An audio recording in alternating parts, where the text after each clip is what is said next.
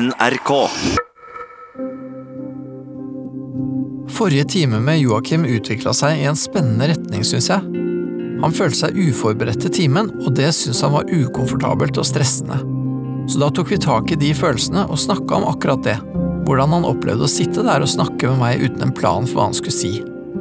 Han fortalte at han var redd for å framstå rotete og lite gjennomtenkt, at han skulle dumme seg ut eller bli dømt. Men da timen var over, følte han at det hadde gått bra likevel. Jeg syns at vi tok et stort skritt i riktig retning. Og nå er jeg spent på om han har prøvd å slippe litt taket på kontrollen utenfor terapirommet også. Eh, Etter praten eh, vi hadde sist, så kom det jo fram at eh, jeg følte press på å, å si ting som var gjennomtenkt. Og jeg hadde på en måte skjønt at det la ganske mye press på en samtale. Og alt jeg skulle si, var på en måte Hadde jeg et belegg for å si. Eh, jeg testa nå ut å ikke gjøre det. Og rett og slett eh, sitte igjen eh, i messa eh, med en kollega og bare prate ved hjelp av eh, assosiasjoner. Eh, vi kom inn på et tema, og så lot jeg på en måte tankene løpe litt fritt. Og når vi snakket om det temaet, så ledet det oss inn på noe annet. Veldig sånn typisk eh, kaffeprat, kan du si. Men når jeg gjorde det, så, så følte jeg at da var jeg mye friere til å si, si ting som ikke nødvendigvis var så gjennomtenkt. da. Og jeg kunne legge det ut til, eh, til han som var foran meg, eh, uten å være så veldig bekymra for hva han syns om det som ble sagt. På mange måter så var det jeg sa da mye nærmere eh, det som jeg tenker og føler. Og på den måten så følte jeg også at jeg var litt mer ekte, på en eller annen måte. Sammen med denne personen. Og det var veldig spesielt. Altså, jeg tror ikke han merka så veldig mye til det, men for meg så var det en stor greie. da. Å faktisk kunne sitte der og prate om ting som jeg ikke nødvendigvis hadde peiling på i det hele tatt. ikke, måtte, ikke følte noe behov for å forsvare det jeg sa heller. Jeg kunne på en måte bare la tankene fly. Så bare kaste ut det ene etter det andre. For meg så var det en veldig positiv opplevelse eh, å komme meg egentlig igjennom eh, forrige time, fordi det var jo ikke veldig behagelig når jeg først satt der, men det å vært igjennom det, på en måte, og sitte eh, en tre kvarters tid veldig ukomfortabel og prøve å eh, spille en eller annen fasade frem som at jeg er sikker, og, er sikker i min sak og har på en måte kontroll på ting. Så ja.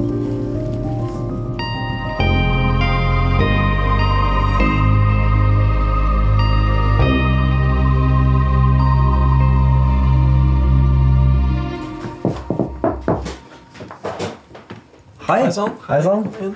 For sist. Ja, da var vi her igjen, da. Da var vi her igjen, ja. Ja. Kom rett etter skolen her nå, så sitter jo i skoleantrekk. Ja, Det, det er litt spennende. ja, ja det er det. Ja. Ja, hvor, ja, hvordan, ja, for det er jo rett og slett uh, ja, en ordentlig uniform. ja. Mm. Akkurat det det er. Mhm. Man blir liksom uh, Man blir liksom uh, litt en litt annen når man har på seg en, en uniform. Det er litt andre forventninger som stilles. Hvordan merker du det? Jeg merker det jo stort sett på bare blikkene til andre. Eh, ja, ja, ja. Det er jo ikke det vanlige at man har uniform, så Nei. Ellers så er det en sånn veldig sånn høflig tone, på en måte. Ja vel. Da blir jeg veldig høflig tilbake. Akkurat. Nikker og smiler. Og, mm, god dag. Ja, det gjør kontakten mer formell, på en måte. Ja, ja. Mm. Gjør det. Hva syns du om det? Nei, det passer meg jo egentlig fint. Jeg har ikke noe imot å være høflig, på en måte. Det føles annerledes. Ja, det gjør egentlig det. Eh, Det å ha på seg uniform er egentlig for meg trygt. Det føles veldig trygt. Ok. Fordi da kan jeg leve opp til de forventningene, på en måte, Ja. som eh, blir satt til meg. Og det har jeg på en måte noen år øving med, da. Så det faller meg egentlig ganske naturlig, da. Og eh, ja. Det at jeg da må følge de forventningene og reglene, det gjør at jeg slipper å gjøre noe annet. ja. Slipper da å være Det er tydeligere. Ja, ja, nettopp. Det er på en måte eh, For det er forventningene er tydeligere, da, på et vis.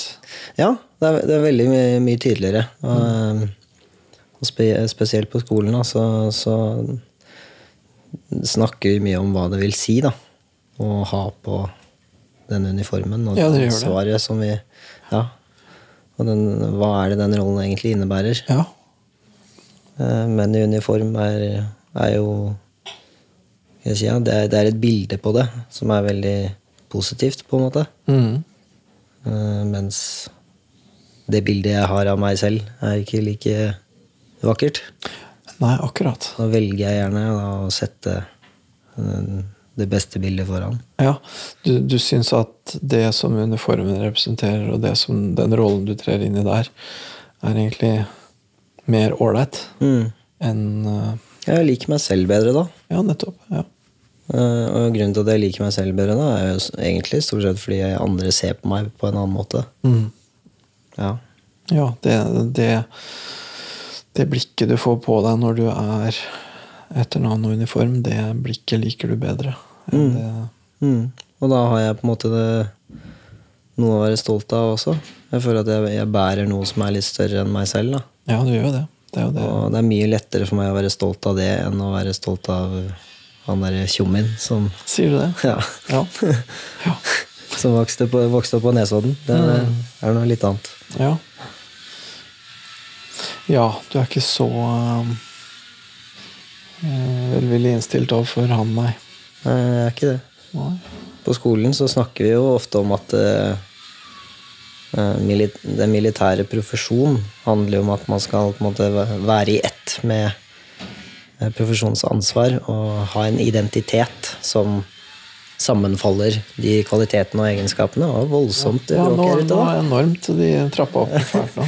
Noen som har bestemt seg for å bygge hus i bakgården. Ja, og det, ja, det har egentlig Det er så av og på, da. Ja, For fem minutter siden så var det helt stille. ikke sant? Hvor var vi? Ja, hvor var vi? Hvis det er i Trondheim, ble så Mm. forstyrra av det der. Ja, nei, det var det siste du sa, det at, at, at det er et slags ideal at det skal bli ett, på en måte. Altså, Ja. At du skal tre ordentlig inn i den rollen med hele Riktig. deg. Riktig. Mm. Og det syns jeg har vært kjempevanskelig. Ja. Uh, ja, særlig hvis du liksom liker den ene delen bedre enn den andre, så må vel det være Ja. vrient. Ja. Jeg har slitt veldig mye med det helt siden jeg starta. Eh, hvordan skal jeg på en måte forene disse to tilsynelatende annerledes og forskjellige menneskene? Mm. Eh, så har jeg slitt ganske mye med den fremadstormende, aggressive personligheten som man gjerne må ha. Den derre eh, Ja, du må vinne en duell, eller så dør du, på en måte. Du, Det er jo den militære realiteten. Det, det er Og ikke noe tull der. Jeg, kan, jeg har funnet meg til rette med at det kan være en egenskap som jeg kan trekke fram noen ganger, og som passer noen ganger. Ja, ja. Men ikke alltid. Nei, at du kan på en måte gå inn i den der, hva skal man si Du kan gå inn i på en måte den krigerrollen, da. Yes. Uten at det trenger å liksom farge hele personligheten din. Det er nettopp det. Mm, skjønner. Fordi mye av den eh, tankegangen bak det går på at du må på en måte være overbevist om at mennesker er i utgangspunktet egoister. Og det er flere høyre politiske mennesker i klassen, og som er veldig realistiske av seg. Og har en sånn eh, realistisk tankegang da, eh, om at eh, med en gang noen får muligheten til å tråkke på deg, så, så gjør de det. Ja, ja. Ergo du må tråkke først. Hvis ikke så skjer det noe med deg. ja, det høres litt hardt ut, spør du meg. Men, Ja. Men det er på en måte en, sånn der, en diskusjon da, som vi har hatt gående. Ja, dere har det? Ja, Der jeg har vært veldig steil på å holde på min overbevisning, da, for det er på en måte ikke nødvendigvis sånn. Og jeg For ærlig, har ikke lyst til å leve i en verden der det er sånn. Nei. Det høres veldig slitsomt ut. Det blir, liksom, det blir Game of Thrones, da. Det gjør det. Og det er jo fristende der å trekke inn det at liksom Verden er jo sånn i den grad folk forholder seg sånn. Mm. Så at hvis du tenker at verden er sånn, så lager du en verden som er sånn. Nettopp. Ja, ja men jeg tenker, ja, men jeg tenker ja, du tenker det blir litt sånn faglige ting når vi prater om det. Men jeg tenker jo hvordan For dette her er jo For deg så er det jo et veldig levende en veldig levende problemstilling, dette her. Ja da. At, at hvordan på en måte forene disse to. Og hvordan få til å liksom eh, Ja, beholde seg sjøl og ikke bli kriger på heltid, da. Mm. Samtidig som du jo sier at hvis du skal beholde deg sjøl, og hvis du egentlig ikke liker deg sjøl så godt, da, så er det jo en utfordring å skulle beholde seg sjøl òg, Mm. tenker jeg da. Ja. Så, hvordan, eh, så, så jeg tenker det er ganske stor, stort puslespill eh, å løse det der. Det er jo det. Sant? Sånn at det er jo da deler av den type militæridentiteten som du ja, Selv om du liker, du liker mye med den, du liker den tydeligheten og det avklart og handlekraften i det og, og andres forventning, og så tenker jeg, ja Det å det å være Man blir jo på en måte ganske forutsigbar da, når man har en rolle som er sånn, som alle vet hva er. Ingen trenger å lure på hva du kommer til å gjøre, fordi at du har den funksjonen. Det er definert av det som står på uniformen din, liksom. Og, og, og så er det jo noe av den militære identiteten som du ikke liker så godt også. Og da tilsvarende så er det noe ved den sivile identiteten din, da, for å kalle det det, som du også liker og har lyst til å beholde. Så jeg blir jo opptatt av det. da, Hva det er du liker. Hva ved, hva ved deg sjøl, eller hva med liksom sivilidentiteten din som du syns er fint, da, og som, du, og som du gjerne vil ta vare på. Jeg har jo hatt en del sånne personlighetshester, blant annet. Eh, JTI og NeoPR og noe greier. Som på en måte har fått meg til å innse at eh, spesielt den derre åpen for nye erfaringer, for eksempel, er noe som jeg scorer veldig høyt på. Oh, ja, okay. Mm. Mens andre scorer helt motsatt retning, og de er på en måte de som kaller, klarer seg best da, i tøffe omgivelser. Ja vel. Fordi at de er fullt og helt Nå husker jeg ikke helt hva den motsetningen heter, men eh, de er i hvert fall eh, rigide til eh, prosedyrer, driller, sånne ting, og har ikke noe problem med å følge det. Nettopp. Selv når det stormer som verst, så vet de nøyaktig hva de skal gjøre, fordi at det er trent inn. Og de gjør det til daglig også. Ja. Og det syns jeg er så kjedelig. Men det er en, en personlighetstype som passer veldig godt til visse typer oppdrag og funksjoner. Men som er en type ting som du ikke har lyst til å ha i det sivile livet ditt. Nei. Og det er også mye av grunnen til at jeg ikke har søkt meg til avdelinger som verdsetter akkurat de tingene. Da. Nettopp. Du ville kanskje ikke passe så godt inn der. Nei. Nei. Manøverelementet er veldig avhengig av at ting går fort og på drill. Eh, Man har på en måte ikke rom for noe annet. Nei. Så der eh, hører ikke jeg hjemme. Nei. Der er det ikke liksom uh, diskusjoner og kreative løsninger. nei, nei. Ting som jeg setter pris på. Ja, ja, ja, altså. Ting jeg syns er spennende. Da. Ja, åssen det er mer plass for andre steder, da. Ja, ja. Det er nettopp det.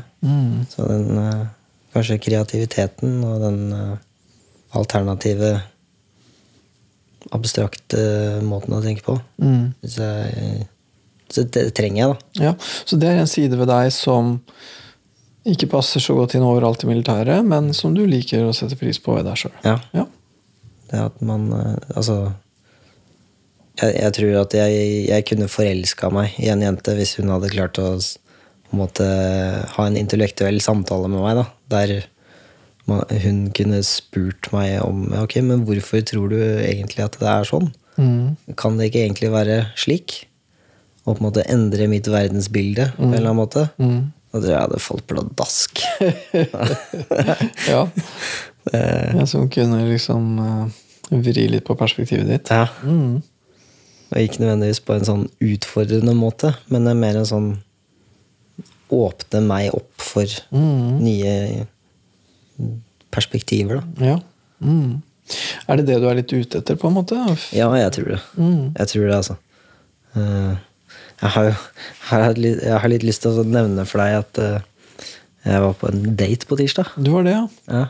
Det var eh, en sånn, sånn Tinder-date. Ok. Ja. Ja. Jeg har ikke vært på Tinder på godt over et halvt år. Jeg har ikke følt at jeg har vært klar for noe som helst. Nettopp. Men nå følte du deg klar på tirsdag? Ja. ja? Ja. Så spennende. Ja, jeg tror det har veldig mye med den samtalen vi hadde sist å gjøre. Mhm. For jeg har gjort ting litt annerledes denne uka her. Jeg har okay. testet ut et par ting. Og en av dem var da, da fredag, fire dager siden, fem, nei, fredag for en uke siden. Mm. Så, og begynte jeg, ja, åpna jeg den igjen da. Ja. Skrev litt om meg selv. ja. Skrev du om deg sjøl på en annen måte enn du har gjort før? Uh, ja, jeg sletta i hvert fall det som sto der, for det syntes jeg var bare tull. Ok, ok. Uh, da, da skrev jeg at var veien hva var det for noe? Veien til hjertet mitt, eller noe sånt. da. Det var eh, eh, reflekterte samtaler, eller noe sånt. Ja. Det er noe som jeg virkelig setter pris på. Mm. Og jeg klarte jo faktisk på denne daten da, å være litt mer fri, Ja. på en måte. Så du hadde rett og slett lagt igjen manus hjemme? Jeg hadde mer eller mindre det. altså. Jeg hadde kanskje et par ting som jeg tenkte at det, det, må, det er viktig. Har innøvde moves? ja, ja, ja, ja. Kan ikke røpe noe, men jeg hadde selvfølgelig litt moves. Ja, ja, ja. Det er klart. ja. Ja. Og du møtte sannsynligvis heller ikke i uniform, vil jeg tro. Nei, nei, Nei? Jeg møtte ikke i uniform, nei. Det var kult. Tror du det? Ja, det har vært litt snodig. Så, så hvordan responderte hun på dette her, da? eh, Hun var jo veldig Responderte veldig positivt. Ja, ja så bra. Og eh, jeg, jeg følte liksom på meg at uh, hun Jeg vet ikke, altså jeg, jeg tolker jo veldig mye da når jeg sitter og prater med andre mennesker og leser kroppsspråk og alt mulig rart, og liksom prøver å skjønne hvordan skal jeg tilpasse meg dette mennesket. Ja, for det er det du sitter og leser? Ja, Ja. jeg gjør jo egentlig det. Ja. Jeg klarte å arrestere meg selv noen ganger og tenke at ok, nå analyserer du litt mye. Bare la det gå. Ja, gå. Men jeg, jeg klarte ikke helt å dy meg. Nei, nei. Så jeg, jeg skjønte jo at Men du så at det var det du gjorde, Ja. og det er jo fint. Jeg tenker det er på en måte veldig viktig. ja. Å observere hvordan, hvordan er det jeg forholder meg til henne nå. Jo, jeg sitter og prøver å tilpasse meg, liksom. ja Det sant. viktig observasjon, det. Mm. Ja. Jeg tror at eh, det at jeg da så det, hjalp meg til å kunne legge det litt fra meg. Nettopp. Fordi jeg, jeg vet at hvis jeg blir veldig opphengt i å analysere, så klarer jeg på en måte ikke å være med i samtalen. Ikke da blir jeg altfor opphengt i å ja, tilpasse min egen atferd. Og da er det enklere å ha et manus, ikke sant? Ja, ja. Det krever ikke noe Nettopp. Ja, for det, det Da har jeg én ting jeg skal si, og så skal jeg bare lese hva som Så skal du bare passe på det andre. reaksjonen blir. ja. Ja. Så ja, så da ble det litt Det ble litt mer Det ble en litt annen type um, prat, da, enn man pleide å ha. Mm. Det, det blei det absolutt. Jeg tror grunnen til at jeg holdt på å si turte det, det var uh, fordi jeg hadde varma litt opp. på en måte. Uh, for dagen etter jeg hadde vært hos deg, så så jeg en mulighet å teste ut dette her, da. Ok. Og snakke uten manuskript, hvis vi kan kalle det det. Ja. Uh, jeg satt i spisesalen, og så var det en, en gjeng kollegaer som satt og prata og tulla. Og så, og så gikk flere av de, slik at det var bare meg og to stykker igjen. Vanligvis så ville jeg da gått, fordi da blir det stort sett litt mer personlig. Nå var det på en måte dags for ja, tullprat, eller Ja, jeg vet ikke. Altså, uh, Det formelle ramler sammen, og der sitter man og er egentlig seg sjøl. Ja, da falt man på en måte inn i rollen som enkeltperson. Nettopp. Og det, ja, Den muligheten så jeg. og det er en situasjon som du noen ganger rett og slett har valgt å trekke deg fra. Ja. Men nå tenkte du her er en mulighet. Ja. Jeg hadde instinktivt med en gang jeg hadde lyst til å gå. ja. Fordi ok, nå kjenner jeg at ok, nå, nå kommer det. nå kommer det et eller annet personlig spørsmål, eller nå må jeg dele noe av meg selv. Ja, ja. Så var jeg nesten i ferd med å reise meg fra stolen, og så tenker jeg nei, nå ok, nå skal vi prøve, se åssen dette her går. Ja. Så blei vi faktisk sittende der, da, nesten tre kvarter eller noe sånt. Og jeg prøvde da å ja, dytte bort manuskriptet og rett og slett bare si ting som eh, ikke var så gjennomtenkt, Ja, ja. skal man si det sånn. Ja, jeg kasta bare ut ting som eh, jeg ikke hadde så stor forventning til at var den absolutte sannhet. Mm. Eh, det var ganske skremmende akkurat når jeg satt her. Men ja, det var det. ja. Ja. ja, hva var det du var redd for at skulle skje? Nei, det som alltid skjer. Altså, spesielt på skolen vår, da, så blir man jo Så blir jo argumentet ditt angrepet med en gang. Og kritisert. Oh, ja. Og så sier de at ja, nei, det er jo bare for å lære. Ja ja, det er jo det, da. Ja. Du blir liksom vant til det. Ja. Og så forventer du alltid å få noe møkk, da.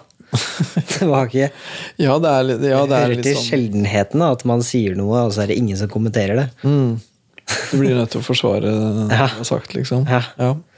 Av og til med hud og hår. Mm. Så ja.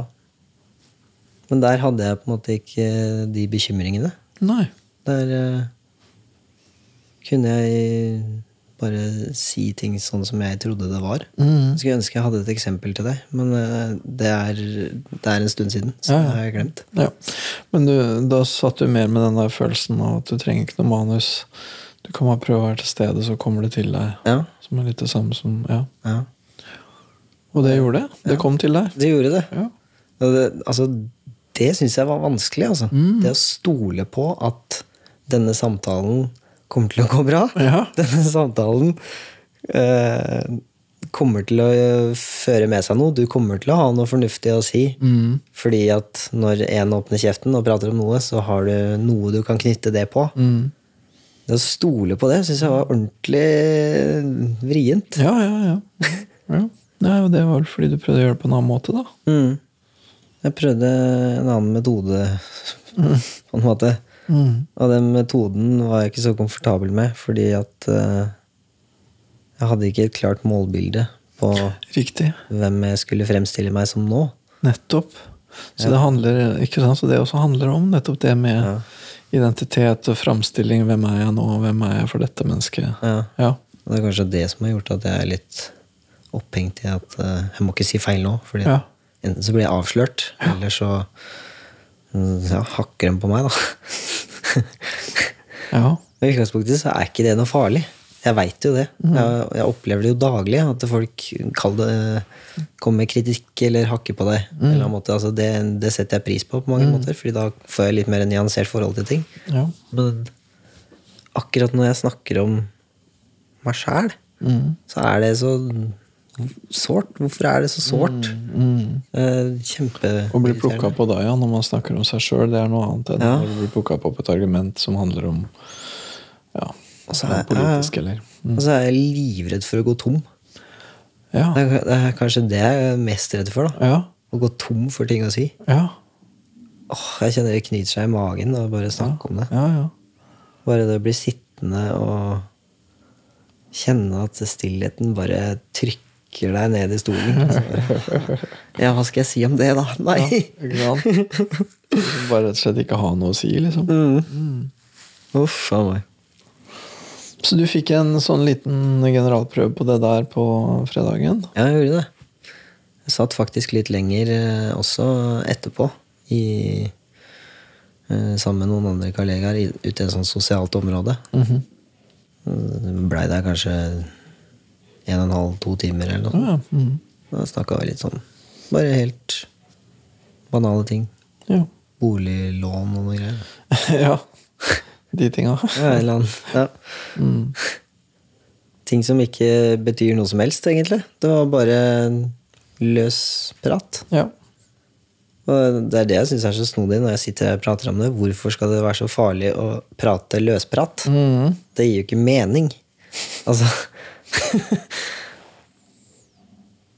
Det er kanskje fordi det er lenge siden jeg har gjort det. da Mm. Jeg har vært så opphengt i at eh, jeg må fikse meg sjæl før jeg kan være god nok for noen. Tror du kan være presentabel, nærmest. Ja. Så da er det holdt på å si én ting av gangen. Mm. Da må jeg først fikse opp i eget hue for at uh, jeg skal unne meg selv litt uh, tulleprat. Ja, ja, ja. ja. Så, hvordan, hvordan syns du det gikk på fredag? Var du presentabel, liksom? Ja, jeg hadde inntrykk av det, egentlig. Ja. Jeg fikk jo på en måte Ja, fikk et inntrykk av at ja, vi koste oss, på en måte. Mm. Gjorde det. Ja, så det gikk greit sånn sett. Ja. Og så høres det ut som at du også da egentlig reflekterte og tenkte veldig mye, da, og analyserte situasjonen og hvordan du fikk det til, og hvordan du gjorde det. ja. Jeg har på en måte praktisert eh, hele denne uka, egentlig. Mm. Mm. På fotballtreningen også, så fant jeg på å si av en eller annen merkelig grunn. Jeg fortalte en på laget hvordan jeg vaska toalettet hjemme. Ja vel. Det var kjemperart. Jeg fikk bare, Det var en eller annen assosiasjon eller en eller annen innfall jeg fikk. Vi snakka ikke om noe i nærheten engang. Og så bare Du, jeg må fortelle deg hvordan jeg vaska toalettet her om dagen. Ja bare, ja, det var rart. Jeg bare, ja, men det skal jeg fortelle deg. Jeg hadde, man det jeg hadde ikke noe interesse om han ville vite det eller ikke, men jeg vil, det var noe jeg hadde lyst til å snakke om. Det var kjemperart. Ja, ja. For det å dele innfall, det er vel ikke akkurat det du har gjort? Nei.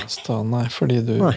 egentlig har vært opptatt av hvordan det blir, og Ja, hvordan blir det oppfatta, liksom? Ja. Jeg tror jeg hadde vært eh, Jeg hadde skudd tida to uker tilbake, da, så hadde jeg aldri sagt det. Nei. Jeg tror ikke jeg hadde kommet på den tanken engang. Jeg syns på en måte det er godt å si nå Mm. at det er jeg ganske fornøyd med. Ja, ja, for det var jo litt det sporet vi var på sist også, hvordan du på en måte skal bli eh, litt greiere med deg sjøl når det gjelder vurderingen. Bli en litt mer eh, Kanskje en litt mer rimelig dommer da, Mm. over deg sjøl. Ja. Og den litt rimeligere dommeren ville tenkt at jo, du kan godt få lov til å prate litt om doaske der. Men du snakka ikke om det på date? Nei, jeg snakka ikke det om det. Nei, jeg gjorde ikke det. Ja, det. Men da også snakka jeg om noe skikkelig snodig. Det var jo Ja, jeg, jeg kom på en ting som jeg hadde søkt opp en gang på fest. Og spurte jenta rett ut Uh, Vet du hvor langt en mann kan e- ejakulere, holdt på å si, eller sprute sperm? Det var Ja. Som, ja. Og det- Naturlig nok langt ute av kontekst. Så var jeg ikke i nærheten av det vi snakka om. Visste hun det, da? Hæ? Visste hun det? Nei, det, det visste hun ikke. Så fortalte jeg liksom, ja, vi snakka om det fordi vi så et merke i taket, ikke sant? så lurte vi på hva Ah, kan det okay. være. Og så, ja, nei, det er sikkert sperm. Nei, det går ikke an å sprute så langt. Og så var det, ja, hva, hvor langt er det lengste? Og så søkte vi det opp. Og så huska jeg det. Og det kom jeg plutselig på, og så tør jeg faktisk å si det høyt. Men det var jeg veldig fornøyd med. Det var egentlig det som var poenget. For Fungerte det, da? Hvordan, hvordan reagerte Nei, Hun holdt på å le seg i hjel, da. Og hun syntes det var gøy? Ja, Jeg syns det var kjempegøy. Ja, Så da hadde du jo åpenbart liksom tima det riktig, da, på Ja. en måte. Ja. Og jeg er egentlig ganske fornøyd med da, at eh, begge de tilfellene der, så klarte jeg å på en måte være meg sjæl. Tørre å stole på den, det innfallet jeg hadde fått, eller det, den tanken som dukka opp. Ja, At det kunne gå an å følge det uten at det skulle bli Ja, jeg hadde på en måte trua på at uh, uansett om denne personen tar det dumt eller ikke, så er det ikke så viktig. Fordi this is me. Det dukker opp sånne tanker av og til. Ja, ja. Det var en ganske fin opplevelse å kunne kjenne på den friheten. Mm. Og slippe å ha den der begrensningen hengende over seg. Mm. Det var ordentlig deilig. Det høres uh, veldig frigjørende ut, ja. Det gjør det. Ja. Mm. Jeg sitter her nesten i en sånn sing. sing. Ja, du, eh, ja, får du lyst til å liksom forfølge det der Ja, litt videre? jeg har egentlig det, altså. For jeg må nesten spørre deg sånn, da, Betyr det litt at du begynner liksom å lette litt på soningsvilkåra dine, eller? Jeg tror det. Jeg håper det. Mm. Ja. For det er jo litt sånn som du sa. At eh, det er vel strengt tatt du som har plassert deg selv der. Og det er du selv som kan frikjenne deg, på en måte. Mm. Både jeg som er tiltalt, og dommer. Mm. Kanskje dommeren begynner å bli litt løsere i kravene sine. Mm. Så en prøveløslatelse som er Ja, kanskje det er det. Vi ser hvor lenge det varer. Men jeg, altså Jeg kjenner fortsatt at jeg har noen uh, begrensninger. Okay. Jeg gjør det. Jeg, jeg husker Altså, bare på vei ned hit, da. Etter å ha på en måte hatt en del gode opplevelser, så kjente jeg at ok, nok en gang, tenk hva som skjer hvis jeg går tom for ting å prate om. Eller Her. tenk Ja, her, ja. Kanskje spesielt her. Mm. Mm. Fordi dette her er så viktig for meg. Mm. Jeg merker at uh, allerede nå så, kan jeg, så ser jeg litt annerledes på ting. Og har på en måte rammet inn eh, et problem som jeg kan håndtere på en litt annen måte. Altså håndtere litt bedre, i hvert fall. Mm. Og jeg kjente at det stressa meg, og jeg fikk sånn klump i magen. Mm. Og så tenkte jeg, hva, hva, hva, hvis, hva hvis du går tom? mm, Mm. Hva vil, ja, forfølg den tanken litt. Hva ville skje hvis du gikk tom?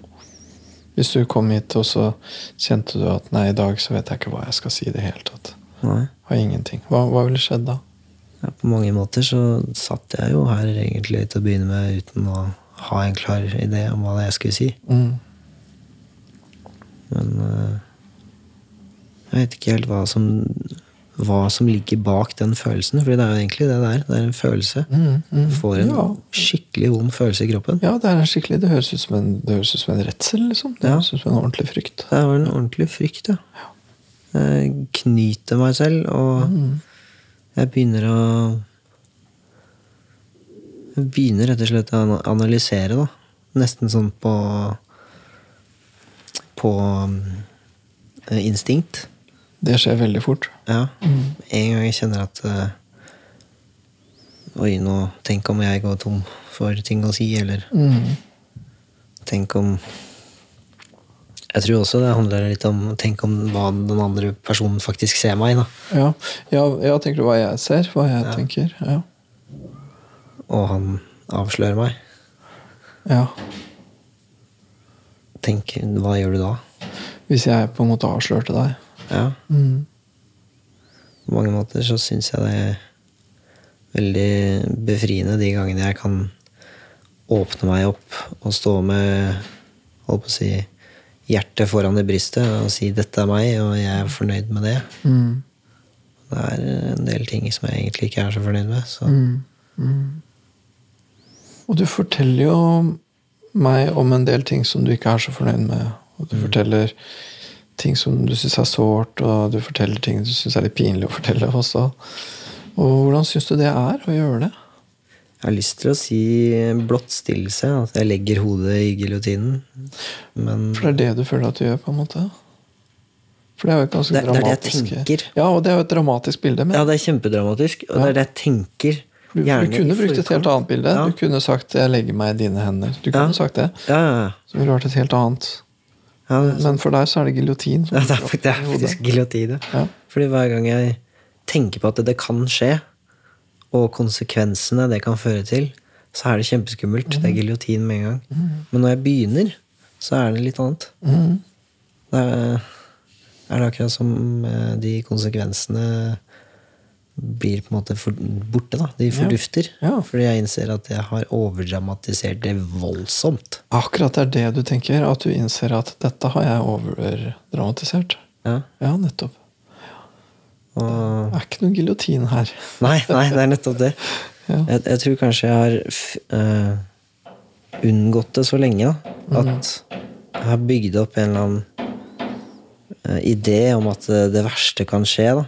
Hvis du noensinne prøver på det igjen? At hvis du skulle bli avslørt, hvis du skulle blottstille deg, hvis du skulle stå med hjertet i hånda da, Ja. så, så vil det kunne bli dramatisk, liksom. Mm. Du har bygd opp et bilde av at det vil kunne ha fryktelige konsekvenser. Ja. Jeg, jeg tror det Altså de, Sånn som de tingene som jeg sa i stad. Det med toalettet, eller det med Ja. Det med toalettet eller det med spermen. Det med spermen, ja. Det med den delen av ja. Altså, det Jeg tror det var det som var litt av poenget med den, de historiene der. Fordi det er noe som jeg ikke har gjort på veldig, veldig, veldig lenge. Jeg tror jeg snakker om to-tre år, altså. Kanskje til og med før jeg møtte uh, Jeg gjorde det når jeg var sammen med henne også. Men kanskje var det jeg innså at Eller overbeviste meg selv om at hun ikke likte. Det var derfor hun på en måte dro. da. Ah, at, at det ble sånn at ok, grunnen til at hun dro, det er at jeg er sånn som jeg er. Det betyr at jeg må bli helt annerledes. Mm. Ja, riktig. At jeg satte en eller annen begrensning på Når du gjør slik, så viser det hvem du er. Ergo, ikke gjør det. Så jeg bare, ja. Jeg tror ikke jeg helt har skjønt om, hvor omfattende den straffen som eh, vi snakker om, egentlig er. Den har blitt veldig, veldig stor. Ja, og den har røvet meg fra så mye morsomheter og Jeg er så lei, da. Jeg er så drittlei.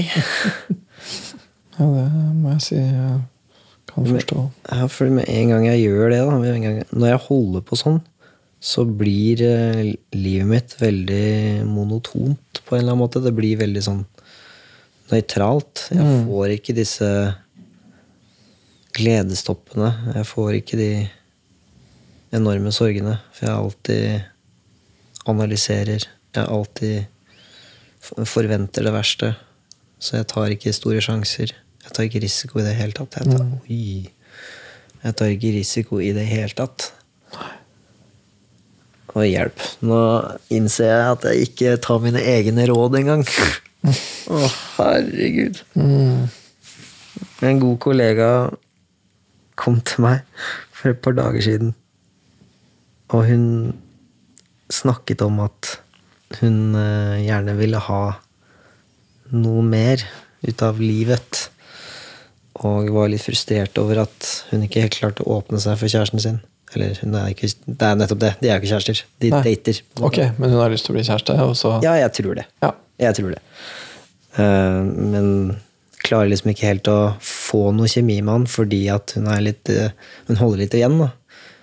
Og som jeg sa på slutten av samtalen, at eh, jeg tror du verner deg selv, og jeg tror du er litt redd for å ta risikoen for å åpne seg selv. Og vise hvem du er, og hva du egentlig liker med den andre personen. For da kan det hende at du blir avvist. Med andre ord, hvis ikke du tar den risikoen, så får du ikke kjemien. Og uten den risikoen så får du ikke noe, kall det, resultater. Eller da, da blir det ikke sammen. Mm, Det blir ikke noe. For det innebærer å ta litt risiko, og faktisk bli kjent med noen slik at de får følelser for deg, og motsatt. Mm. Og her sitter jeg på min mektige hest vet du, og gir eh, råd uten å følge dem sjæl. Jævlig bra.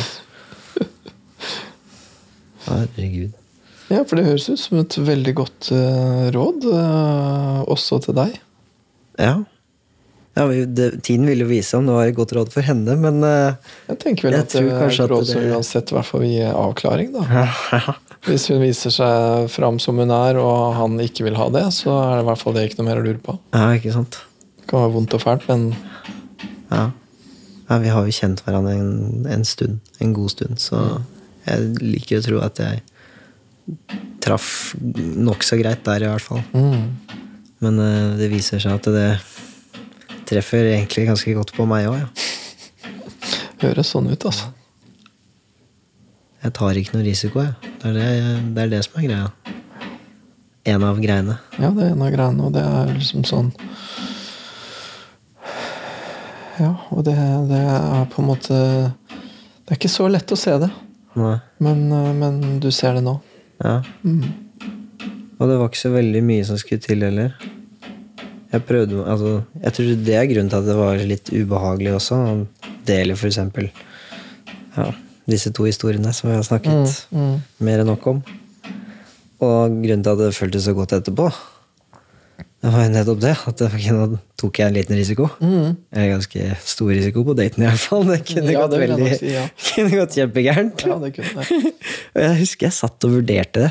Skal jeg, skal jeg si dette? Nei, det blir for dumt. Nei, Skal jeg prøve? Nei, men faen. Hva er dette her for noe? Nei, du kan ikke si det. Og så tenkte jeg bare jo, kom igjen. Du har ikke noe å tape. Sånn egentlig. Nei, bare kvinnen i ditt liv. ja, ikke sant? Men jeg tok faen meg den risikoen, og så fortalte den historien. Og det ble ganske gøy også. Ja, det blei jo hysterisk. Det blei kjempegøy, og hun syntes det var eh, ordentlig snodig at vi, blei ble snakkende om akkurat det der en stund. Så det bidro jo til eh, lystert humør. Så bra. Ja. Lurer på om det var dit vi kom i dag, jeg. ja. Så prates vi til uka. Ja, det er greit. Det blir kult. Herregud.